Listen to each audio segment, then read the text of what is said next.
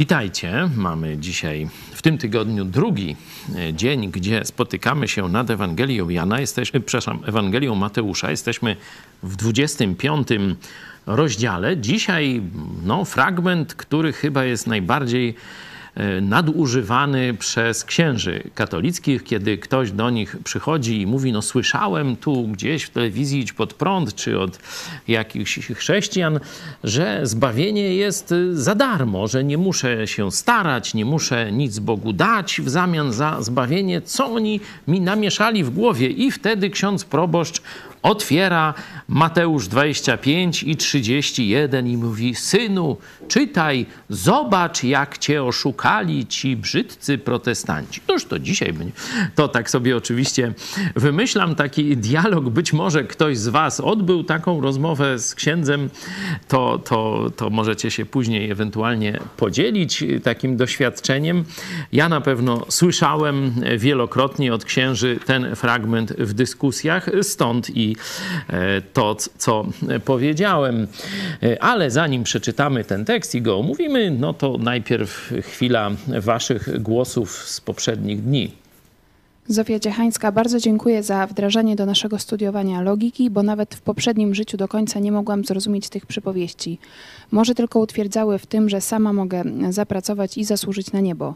Stało to trochę w sprzeczności z ofiarą Jezusa na krzyżu za wszystkie grzechy, ale Kościół tak tłumaczył, że chyba e, musiała to być prawda. Dzisiaj Eureka, wszystko stało się jasne, zrozumiałe, spójne i oczywiście logiczne. Wielkie dzięki. Jeśli e, Biblię czytać z uwagą, obserwować to, kiedy, do kogo jest dany tekst skierowany, na jakie pytanie odpowiada Jezus czy apostołowie tam w dialogu na przykład z innymi chrześcijanami czy z niewierzącymi w dziejach apostolskich, wtedy precyzyjnie rozumiemy treść. Jeśli nie wejdziemy e, w, w taką właśnie skrupulatność obserwacji, kto do kogo i co mówi, i nie zastosujemy logiki, przede wszystkim przyjmuje założenie, że Bóg który przedstawił się nam także jako Logos, to w czwartki o 20.30 zapraszam na Ewangelię Jana. Tam właśnie tę Ewangelię już głębiej y, studiujemy. Tam właśnie Bóg przedstawia się jako Logos, jako mądrość wszechświata. Jezus Chrystus, Logos, mądrość wszechświata, wszechwiedza. Nie?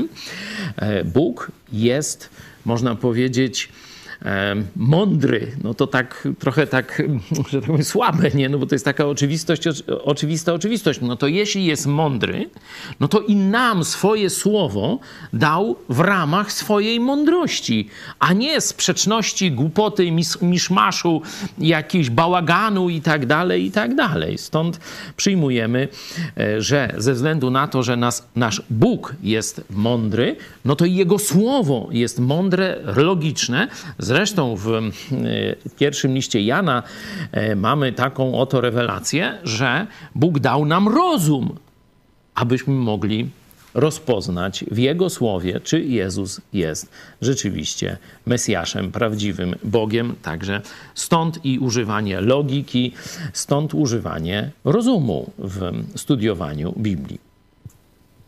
Mariusz Borucki, dzięki za zwrócenie uwagi aspektu czasowego w przypowieści o pannach, bo w kościele rzymskokatolickim wciskali kit, że to my jesteśmy te panny i musimy się pilnować i kupować sakramenty, żeby nie zabrakło. W dziecięcej główce umyśliłem wtedy, że komunia to jest takie doładowanie tej oliwy. Dziś wiem, że to stek bzdur prowadzący na manowce, bo jeśli ktoś zaufał Jezusowi, to jest oblubienicą, czyli zbawiony. Nie jest wśród tych orszaku panien, tylko jest oblubienicą, narzeczoną Jezusa Chrystusa. To jest pozycja każdego, kto swoje życie powierzył Jezusowi Chrystusowi i zaprosił go do swojego życia jako Zbawiciela i Pana i kropka. A to jest historia o gościach weselnych, a nie o Pannie Młodej, czyli o nas. Także przy, przy wiecie, porównywanie tych no, gości, dróżek na weselu z Panną Młodą, no to jest takie no, takie niegrzeczne. No ja wiem, że tam księża, no to oni rząd nie mają, tylko same gospodynie, a niektórzy są zboczeńcami. No ale to już inna e, sprawa, no toż tam mogą. Ale te śluby chyba oni tak odprawiają, nie? To, to powinni wiedzieć, że nie z dziesięcioma tam się ten ślub jakoś, no to tam Cóż, będziemy deliberować. Zaraz przejdziemy do tego sądu, którym tak często księża katolicy się podpierają. Czy jeszcze mamy jakiś głos? Marcin, poproszę pomóc się przed naszym rozważaniem Słowa Bożego i zaraz przejdziemy do czytania. Panie, dziękuję Ci za to, że możemy się tutaj spotkać. Dziękuję Ci za to, że mogliśmy przeżyć kolejny dzień. Dziękuję Ci, Panie, również za to, że mamy zbawienie, że, że nas zbawiłeś, że możemy być tego pewni. Dziękuję Ci za to, że mamy Twoje obietnice i że możemy żyć tutaj w spokoju i pokoju, że niezależnie co się wydarzy, my mamy pewność, że już na zawsze będziemy z Tobą. Dziękuję Ci za to, Panie. Amen. Amen. Przypominam jeszcze raz, że Ewangelie to jest można początek Nowego Testamentu, początek objawienia. Jezus sam zapowiada, że teraz jeszcze mówi w zagadkach, jeszcze nie wszystko dokładnie powie, jeszcze nie wszystko mówi do uczniów, możecie przyjąć lub znieść, a kiedy przyjdzie Duch Święty, czyli tu już mamy dzieje apostolskie, zesłanie Ducha Świętego, wtedy Duch Święty wam przypomni wszystko, co powiedziałem, poukłada w głowie, żebyście zrozumieli, o co mi chodziło i objawi wam rzeczy przyszłe. To musimy pamiętać. I druga rzecz, tu już do 25 rozdziału.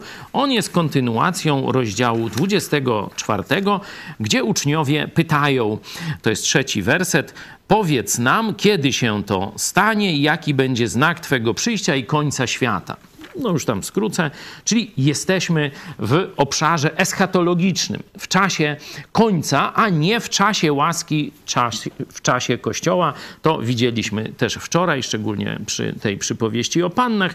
Teraz zobaczymy, e, to jest, mówię, w tym samym ciągu zdarzeń, w odpowiedzi na te same pytania znajduje się opis sądu z 31 wersetu i następnych. Najpierw go przeczytamy, to jest 31 do 46.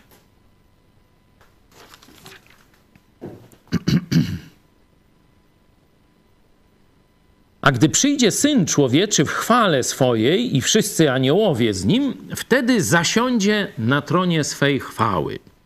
I będą zgromadzone przed nim wszystkie narody i odłączy jedne od drugich, jak pasterz odłącza owce od kozłów.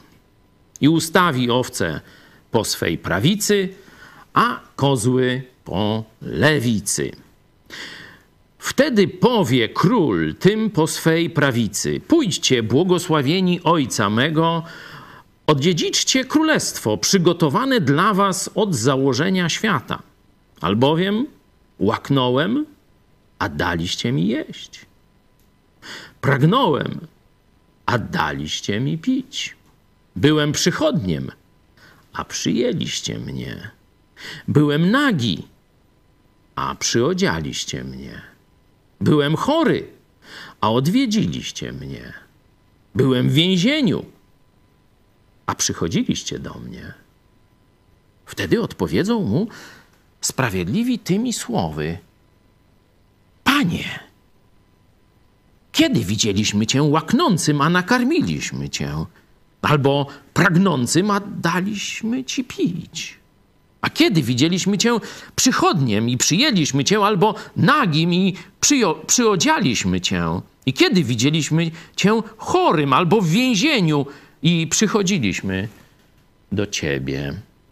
A król, odpowiadając, powie im – Zaprawdę, zaprawdę powiadam wam, cokolwiek uczyniliście jednemu z tych najmniejszych moich braci, mnie uczyniliście. Wtedy powie i tym po lewicy: Idźcie precz ode mnie, przeklęci, w ogień wieczny zgotowany diabłu i jego aniołom, albowiem łaknąłem a nie daliście mi jeść, jeść. Pragnąłem, a nie daliście mi pić. Byłem przychodniem, a nie przyjęliście mnie. Nagim, a nie przyodzialiście mnie. Chorym i w więzieniu, i nie odwiedziliście mnie. Wtedy i oni odpowiedzą, mówiąc: Panie, Kiedy widzieliśmy cię łaknącym, albo pragnącym, albo przychodniem, albo nagim, albo chorym, albo w więzieniu i nie usłużyliśmy ci? Wtedy im odpowie tymi słowy. Zaprawdę powiadam wam, cokolwiek nie uczyniliście jednemu z tych najmniejszych, i mnie nie uczyniliście. I odejdą ci na kaźń wieczną, sprawiedliwi zaś do życia wiecznego. Tak, ten fragment brzmi.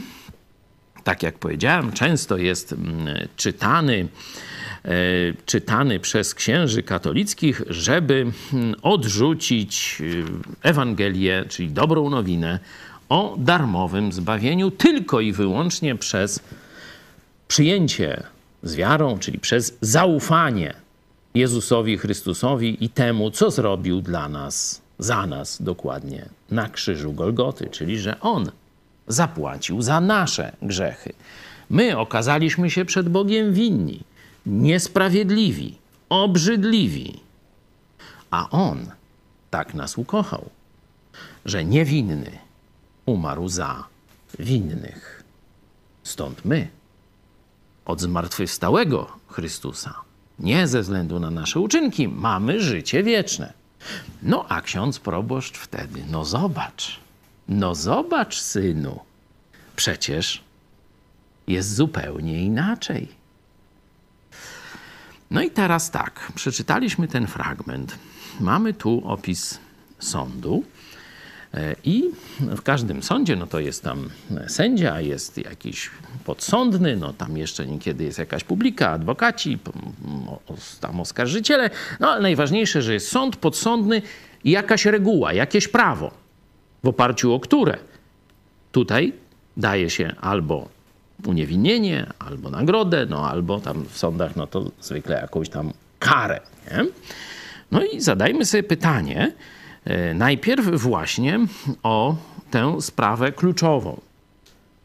Na jakiej podstawie, czyli wedle jakiej reguły ten sąd orzeka? Co jest podstawą uznania kogoś za winnego lub niewinnego? Macie już swoje wnioski? Co jest podstawą uznania jednych za dobrych, a drugich za złych przed tym sądem.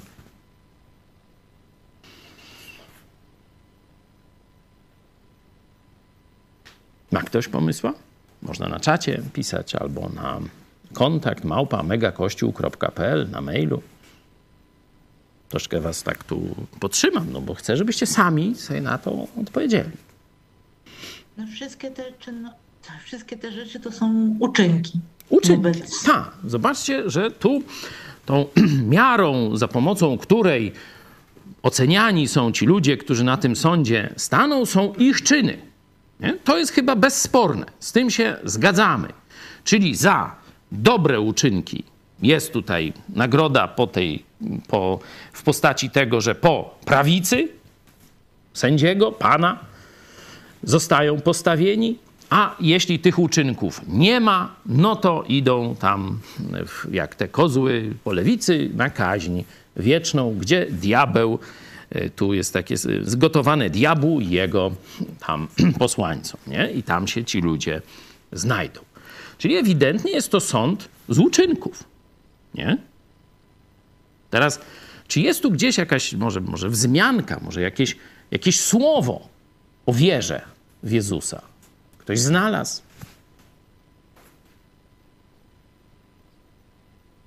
No bo katolicy mówią, że do zbawienia potrzebna jest wiara plus sakramenty, no i można tam trochę uczynków jeszcze dołożyć, nie? No o sakramentach też tu nie ma. No ale czy jest jakieś słowo, że tam wiara, niewiara, wierzyliście, nie wierzyliście, coś, znajdujecie coś w całym tym tekście? No nie. Tak podpowiem. Ani słowa. A teraz weźmiecie wszystkie inne nauki Jezusa o zbawieniu. To co będzie tam kluczowym słowem? Wiara. Uwierz, zaufaj, nie? zarówno w Ewangeliach, jak i później w dziejach czy listach. Nie? Cały czas jest wiara, zaufanie, wiara, zaufanie. Uwierzył, nie uwierzył i tak dalej. Nie? A tu jest jak byk sąd z uczynków. Czyli w niebie ci ludzie znajdą się z powodu swoich uczynków i w piekle znajdą się z powodu braku swoich uczynków. Tu akurat, nie? No i co teraz mamy powiedzieć? Mamy sprzeczność, nie? Ktoś widzi sprzeczność? No i teraz ksiądz proboszcz mówi: Synu, pokory, oto wielka tajemnica wiary. No tam później daj złoto i dolary, ale to, to już tam, y, że tak powiem, na zakrystii, nie? Czyli zobaczcie, że rzeczywiście mamy do czynienia ze sprzecznością. Tu jest mowa o zbawieniu za uczynki, czy tam o znalezieniu się po prawicy Boga, do, dosłownie po prawicy króla, tak jeszcze, żeby bardziej precyzyjnie, a nie w piekle, no to trzeba się wykazać jakimiś uczynkami. Nie? Proste jak dwa razy dwa. Czyli mamy pierwszy problem, że gdyby to był sąd, któremu my mamy podlegać, czy ogólnie chrześcijanie, no to mielibyśmy konflikt z całą nauką Jezusa i apostołów, jeszcze, żeby można dołożyć. Nie? No stąd na razie tu stawiam, tylko pokazuję problem. Nie? To zresztą mówię, księża to widzą, no bo jak przychodzą do nich zatroskani parafianie, którzy gdzieś usłyszeli Ewangelię o darmowym zbawieniu, przychodzą i mówią, zaraz tu mi mówią jacyś, y, że nie trzeba sakramentów, nie trzeba się chrzcić, nie trzeba komunii, nie trzeba tam dobrych uczynków, tylko wystarczy zaufać Jezusowi i już się idzie do nieba. Noż to przecież mi się cały świat zawalił. Ratuj księdze, księże proboszczu, nie? Noż to ksiądz ich tu od razu ratuje. No oni nie myślą, że tu w ogóle to to już jest, wiecie, raczej w tym momencie za, duże, za duża poprzeczka. No ale my sobie teraz możemy patrzeć. O sakramentach ani słowa. O wierze ani słowa. Jest tylko, czy zrobili pewien rodzaj dobrych uczynków pewnym ludziom, czy nie zrobili. To jest jedyna podstawa sądu tutaj. Co ciekawe jest, że ci ludzie to nawet nie bardzo wiedzieli, co robią. Znaczy, wiecie, nie mieli świadomości, że właśnie zasłużyli na niebo albo właśnie zasłużyli na piekło. Bo oni są zdziwieni. Jedna i druga strona pyta króla, no ale zaraz, no mówisz, żeśmy ci tutaj jakieś podawali te wody, napoje, odwiedzaliśmy cię w więzieniu, ale w ogóle nic nie pamiętam. Ja w ogóle cię nie widziałem. Nie byłem w żadnym więzieniu, żadnego chorego cię nie widziałem, nie? Czyli jedna i druga strona jest zaskoczona. tu król rozumiemy, Jezus, Syn Człowieczy, jest przedstawiony w 31 wersecie, im mówi. To nie dotyczy mnie dosłownie, ale moich braci. Moich braci. No to to już tu mamy jakieś naprowadzenie. Tu już mamy jakieś naprowadzenie, że nie dotyczy to jakichś wszystkich ludzi, tylko dotyczy to braci Jezusa. Nie? Jeszcze na razie sobie tylko zapiszmy ten wniosek, że te dobre uczynki dotyczą braci Jezusa. A teraz zrobimy to, od czego powinniśmy zacząć. Każdą obserwację zaczyna się od początku. Nie? No ale celowo, ze względu na kontekst y, taki kulturowy tego tekstu, e, pozwoliłem sobie na zaczęcie od końca. Nie? Teraz przejdźmy do początku, czyli werset 31 i 32. A gdy przyjdzie Syn Człowieczy w chwale swojej i wszyscy aniołowie z Nim, wtedy zasiądzie na tronie swej chwały. I będą zgromadzone przed Nim wszystkie narody. Tu, kiedy tak sobie myślimy, wszystkie narody, to znaczy Żydzi, Ukraińcy, tego, tego. Nie, tu nie jest tak napisane. Wszyscy poganie, czyli wszystkie narody pogańskie, za wyjątkiem jakiego? Tak, tak, tak, za wyjątkiem narodu żydowskiego. Nie? Czyli tu będą zgromadzone wszystkie narody nieżydowskie. Nie? To jest pierwsza już taka ważna obserwacja. Czyli ten sąd nie dotyczy Żydów, a dotyczy wszystkich pozostałych narodów. No a teraz weźmy sobie, odkopmy to pytanie, kim są bracia Jezusa? Na tym sądzie, no jest Jezus, są wszyscy ludzie za wyjątkiem Żydów. Żydów nie ma. No to dlaczego nie ma? Gdzieś powinni być. No są. Właśnie w tym, co uczyniliście jednemu z moich braci. Braćmi Jezusa w sensie etnicznym są, bo tu właśnie jest etne, wszystkie narody. W tym sensie braćmi Jezusa, rodakami Jezusa są Żydzi.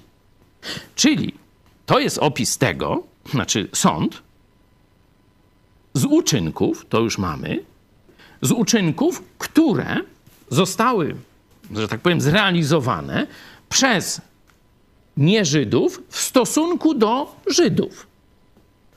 Ale Żydzi, jak widzimy tutaj, są w jakimś szczególnym okresie, w jakimś problemie.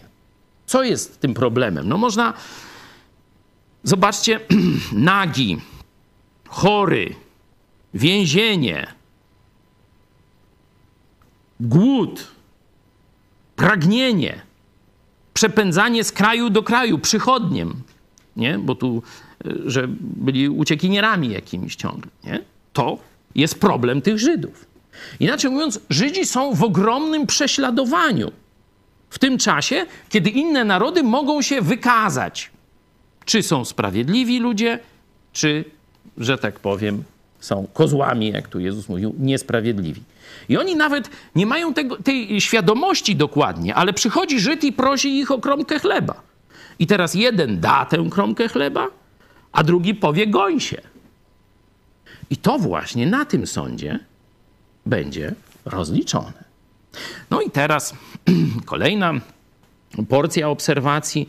Zobaczcie, 31 werset. A gdy przyjdzie Syn Człowieczy w chwale swojej i wszyscy aniołowie z Nim, wtedy zasiądzie na tronie swej chwały. Jest to opis przyjścia i powtórnego przyjścia Jezusa na ziemię z, z chwałą, z aniołami, zbierze te narody, a teraz przypomnijcie sobie, co się w tym czasie dzieje z Kościołem. Mamy koniec świata, bo to jest, tak jak pokazałem z 24 rozdziału, kontekst eschatologiczny, czyli końca świata. Jest przyjście, powtórne przyjście Jezusa na ziemi, poprzedzone jakimś ogromnym prześladowaniem Żydów że Żydzi będą przeganiani z państwa do państwa, z narodu do narodu, ze swojego miasta do innego miasta, będą cierpieć, będą łapani, do więzień wsadzani, będą głodować i tak dalej. To wszystko tu jest opisane. I teraz część ludzi, nie Żydów, którym nie zagraża ten los, którym Żydom zagraża.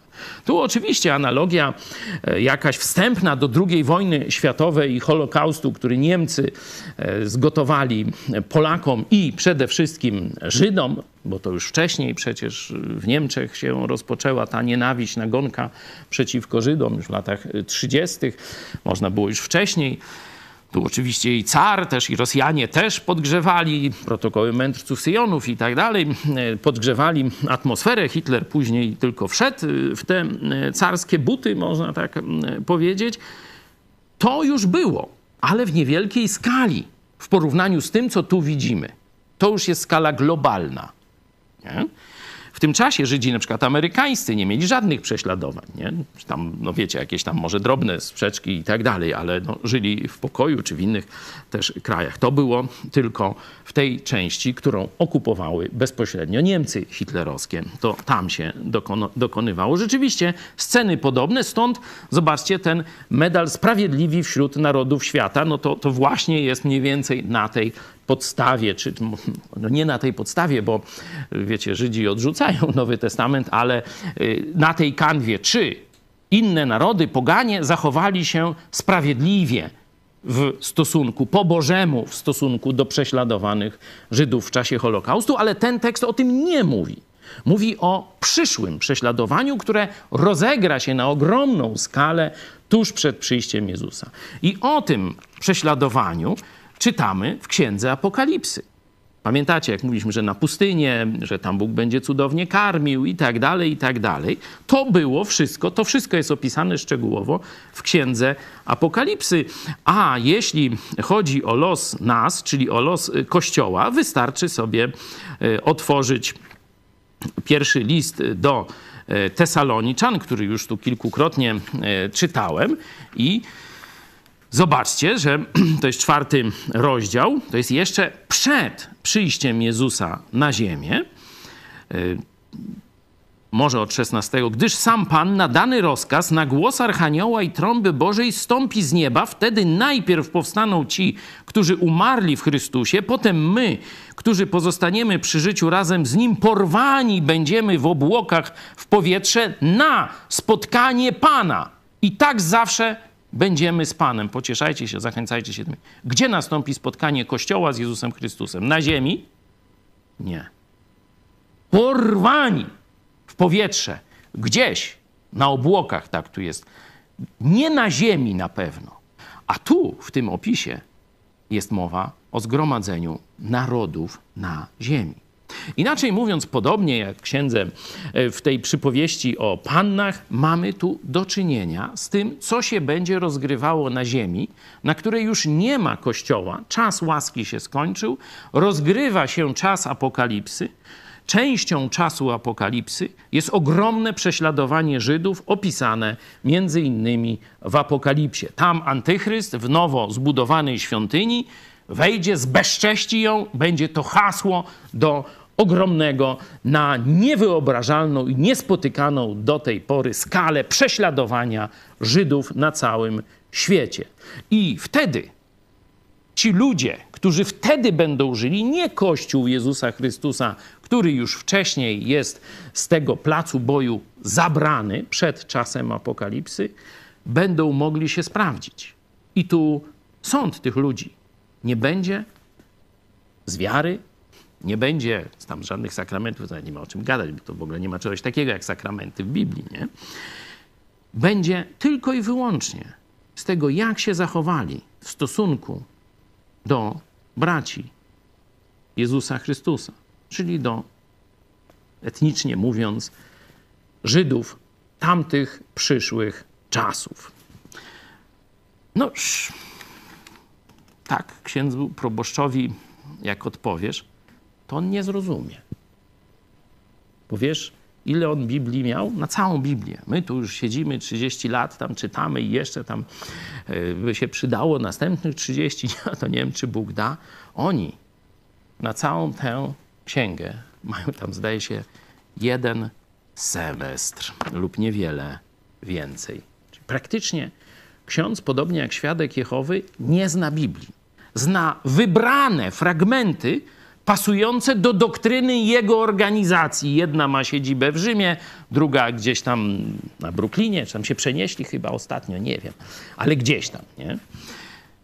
Nie znają Biblii, dlatego bardzo łatwo ich, że tak powiem, zbić tropu, pokazując inne fragmenty Biblii, których oni akurat nie używają w ramach tych swoich strażnic, czy e, czytania na mszy i tak dalej. Dlatego tak łatwo jest tych ludzi omamić, kłamać, zwodzić i tak dalej.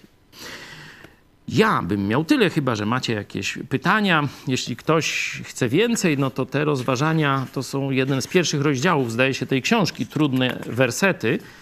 To jest no właśnie 19 strona. Cokolwiek uczynilibyście jednemu z tych najmniejszych, to polecam tu e, szerzej analizuję ten fragment w sposób bardziej uporządkowany. Teraz chciałem, żebyście mieli też trochę że tak powiem, takich przeżyć detektywistycznych, z własnych odkryć. Czy są jakieś pytania, komentarze? Jest taki komentarz e, Damian Górnik. Ten fragment wygląda na sąd nad narodami o wejście do tysiącletniego królestwa. No już tak mniej więcej. Tu mówię, nie ma tego kontekstu, no to tam nie, nie komplikuje za bardzo, ale jest to przed tym wydarzeniem opisanym w e, Apokalipsie. No jakie dla nas zastosowanie? No oczywiście, e, że kiedy ludzie są niesłusznie prześladowani, niesłusznie zamykani do więzień, niesłusznie i tak dalej, to wtedy naszą powinnością jako dzieci Boga, jest rzeczywiście e, w tych, tych ludzi w jakiś sposób wspierać. Ale nie jest to po to, żeby zasłużyć na niebo, żeby tam, nie wiadomo, tam, wiecie, sobie kupić zbawienie czy coś takiego. Jest to, można powiedzieć, e, owoc naszej prawości, sprawiedliwości. Jeśli ktoś jest niesprawiedliwie prześladowany, to zwykle chrześcijanie przy nim staną. Jeśli że tak powiem, chrześcijanie są ślepi na prześladowanie innych ludzi, no to już tak źle jest z chrześcijaństwem. Ja wam powiem taką sytuację z czasów, no, które, które naprawdę wymagały ogromnej odwagi. Ze zdziwieniem kiedyś przeczytałem to w takiej katolickawej gazecie, chyba od rzeczy, znaczy no powiedzmy, że ten numer był do rzeczy. Y, chodziło o zbrodnie na Polakach dokonywane przez nacjonalistów ukraińskich na terenie Kresów Rzeczpospolitej dawnej. Nie? No tam różne straszne rzeczy, wiecie, to i film jest y, Smarzowskiego na ten temat, y, chociaż tam pewnie jeszcze straszniej się działo niż nawet na tym filmie. I tam w tym artykule, mimo że katolicki autor to, to jednak nie wykreślił, autor tam, wiecie, redaktor, nie wykreślili jednego akapitu. I ten akapit brzmiał następująco. Polacy nie mieli szans praktycznie na pomoc nigdzie bardzo nieliczni Ukraińcy mieli odwagę, bo praktycznie oni też ryzykowali życiem, pomóc Polakom, wtedy zażynanych, polowania na nich i tak dalej. Ale zawsze mogli liczyć na pomoc. Tam nie pamiętam, jak było to napisane, ale jakoś tak nie sekciarskich, ale jakoś tak już tak niedobrze było to napisane o tych jakichś tam innowierców, jakoś tak to trochę nieładnie, nie? Ale chodziło o chrześcijan tych wyznań związanych z Biblią, że ci ludzie zawsze okazywali pomoc prześladowanym. To jest, to jest dobre świadectwo dla biblijnego chrześcijaństwa, że tam zawsze mogli liczyć Polacy prześladowani wtedy przez nacjonalistów na Ukrainie na pomoc. To jest właśnie zastosowanie. To nie znaczy, że trzeba pomagać wszystkim w więzieniu mordercom, gwałcicielom dzieci, pedofilom. Nie. To, to nie jest tutaj napisane, tu napisane. To chodzi o pomaganie prześladowanym niesprawiedliwie, prześladowanym zemsty z jakichś politycznych, etnicznych i różnych innych uwarunkowań. Wtedy tak, wtedy chrześcijanie tym ludziom pomagają. Mamy taki mandat od naszego Pana Jezusa Chrystusa. Robimy to z wdzięczności. On nas uratował, choć byliśmy winni, no to my ratujemy niewinnych, którzy niewinnych w ludzkim rozumieniu. Warto to pamiętać, szczególnie przy okazji przyjmowania uchodźców. Tu też ten temat jest wykorzystywany. Tu pamiętacie, biskupi katolicy mm, używali tego wersetu. Yy, byłem nagi, a nie przyjęliście mnie, wiecie, to było na billboardach jakiś, nie pamiętam gdzie, ale w czasie 2015-16 rok oni nadużywali tego e, wersetu. E, no ale to już inny temat, inna historia. Ja się będę z wami żegnał.